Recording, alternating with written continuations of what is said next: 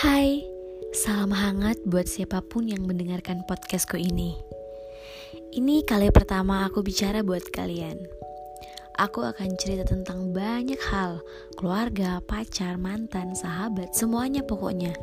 Cerita kemarinku yang penuh drama, suka dan dukanya selalu punya cerita masing-masing.